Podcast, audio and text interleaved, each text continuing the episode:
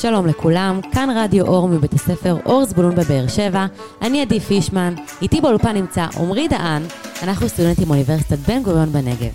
היום יום רביעי, כ"ח באדר, 21 למרץ 2023. פרשת השבוע היא פרשת ויקרא. ואנחנו בשידור מיוחד לקראת חג הפסח. ולקראת שידור מיוחד, יש איתי גם הפתעה מיוחדת. איתי באולפן נמצאת גם המורה מלכה שוורץ. מלכה תחליף את עמרי, אז אה, מלכה, איזה כיף שאת נמצאת איתנו. אני שמחה להצטרף אליכם. והיא שעמדה לאבותינו ולנו, שלא אחד בלבד עמד עלינו לכלותנו, והקדוש ברוך הוא מצילנו מידם. שלום ילדים יקרים, חג הפסח ממש בפתח, ולא סמלים רבים. מה מסמל עבורכם חג הפסח? עבורי חג הפסח מסמל חופש, חירות, יציאה מהעבדות לחירות. בני ישראל היו עבדים במצרים במשך 400 שנה, ובחג הפסח יצאו ממצרים לחירות לחופש שלהם. עבדות 400 שנה? איך הם עמדו בזה? אני לא הייתי מחזיקה מעמד אפילו יום אחד. לא סתם עבדות, הם בנו ערים שלמות, בידיים, ללא כל סיוע ועזרה, והיה אסור להם להתלונן, או להגיד את עייפתי, אני רוצה מנוחה. עבודה מפרכת את הגוף והנשמה. עבודה ושיטה תעשה זאת בעצמך. והם בנו גם את הפירמידות, לא?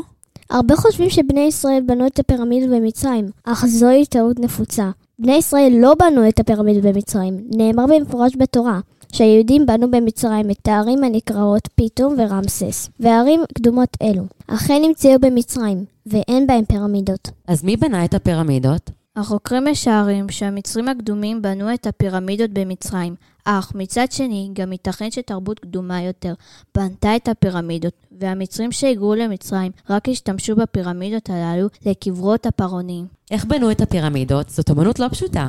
הפירמידות הראשונות נבנו מאבני גרנית חזקות. בהמשך החלו לבנות פירמידות קטנית יותר, ואיכות הבנייה שלהם פחתה, עקב המעבר לשימוש בסלעי גיר רכים וזולים יותר, באופן לא מפתיע. דווקא הפירמידות העתיקות נשמרו טוב יותר בזכות איכות חומרי הבנייה. מעניין, אז איזה פירמידה נשמרה הכי טוב? אחת הפירמידות השמורות והבולטות ביותר היא הפירמידה של גיזה, שבנויה מ-2.3 מיליון גושי אבן, והמשקל שלה מוערך ב-5.9 מיליון טונות. חוקרים מעריכים שהבנייה שלה ארכה 20 שנה. ככה בונים היו צריכים לבנות בקצב ממוצע של 800 טון ביממה. וואו, חידשת לי. הייתי בטוחה שבני ישראל בנו את הפירמידות. גם בלי הפירמידות, העבדות הייתה קשה מאוד. אם זה היה קורה בימינו, המצרים היו מואשמים בהפרת זכויות האדם. הפרת זכויות האדם? כן, ממש ככה, הפרת זכויות האדם. זכויות האדם הן זכויות שיש לכולנו, בני האדם. זכויות אלה מאפשרות לנו לחיות חיים של חירות ושל חופש. הם נועדו להבטיח שנוכל לקבל יחס הוגן מאחרים, שנוכל לחשוב את המחשבות שלנו, לבטא את הדעות והרצונות שלנו, לקבל הזדמנות להגשים את המטרות שלנו בחיים. זכויות האדם נועדו בעיקר להגן עלינו מפני בעלי הכוח בחברה. זה מזכיר את העבדות במצרים, נכון? נכון, זה בדיוק מה שקרה לעם ישראל במצרים. המצרים שהם היו בעלי כוח, שללו מעם ישראל את הזכות לחירות, את הזכות לחיים, את הזכות לשוויון, את הזכות לכבוד ולביטחון אישי, את האפשרות לחיות כבני אנוש, והפכו אותם לעבדים חסרי זכויות בסיסיות, רמסו את גופם ואת נפשם. הם ערערו את חיי בני ישראל בעבודה קשה, בחומר ובלבנים, בעבודות השדה, ובנוסף לגזרות קשות אחרות כמו השלכת הסכרים ליאור. ממש מזעזע לחשוב שככה התנהגו לבני ישראל במצרים, שהם עברו את כל הזוועות האלה. ואיפה היה העולם בכל הסיפור הזה? העולם בתקופה ההיא כלל בעיקר את מצרים, שהייתה מעצמה עשירה מאוד בכל האזור, כמו ארצות הברית ורוסיה בימינו. בכל האזור? כן, כל האזור, הכוונה לאזור אסיה ומזרח התיכון וקצת מאירופה. והעושר של מצרים, מאיפה הוא? העושר של מצרים בזכות יוסף הצדיק, שזכה להיות שליט על ארץ מצרים ודאג לכלכלה של מצרים. בשנות השובע, יוסף אגר מזון ואסמים לשנות הרעב. כששנות הרעב הגיעו, המצרים קנו מיוסף אוכל במיטב כספם. וכשעזר כספם, יוסף מכר להם את אוכל תמורת בהמותיהם וסוסיהם. ולאחר שנמכרו גם הם, המצרים התחננו ליוסף שיקנה אותם ואת אדמתם תמורת זרעים, כדי שיוכלו לאבד את אדמתם, וככה יוסף צבר המון עושר והפך את מצרים למעצמה עשירה מאוד. וואו, אדם אחד עם כל כך הרבה עוצמה והשפעה. מה שמעורר השראה הם האנשים שעושים משהו לשיפור האנושות בפינה הקטנה שלהם בעולם. גלשנו קצת לנושאים חשובים ומעניינים, אבל נחזור לשאלה שאיתה פתחנו. מה מסמל עבורכם חג הפסח? אצלי חג הפסח מסמל את היציאה מחושך לאור.